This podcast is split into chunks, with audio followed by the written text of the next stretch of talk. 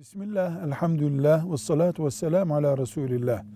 Kardeşimiz bilgisayar program yazıcısı olarak çalışıyor. İçki de ikram eden, satan bir lokanta, lokantaya mahsus bir yazılım istemiş. Bunu yapsam caiz olur mu diyor. Cevap olarak genel bir kuralı söylüyoruz. Bir harama kim ne kadar yardım ediyorsa o haramın işlenmesi durumunda o kadar o günahtan pay alır.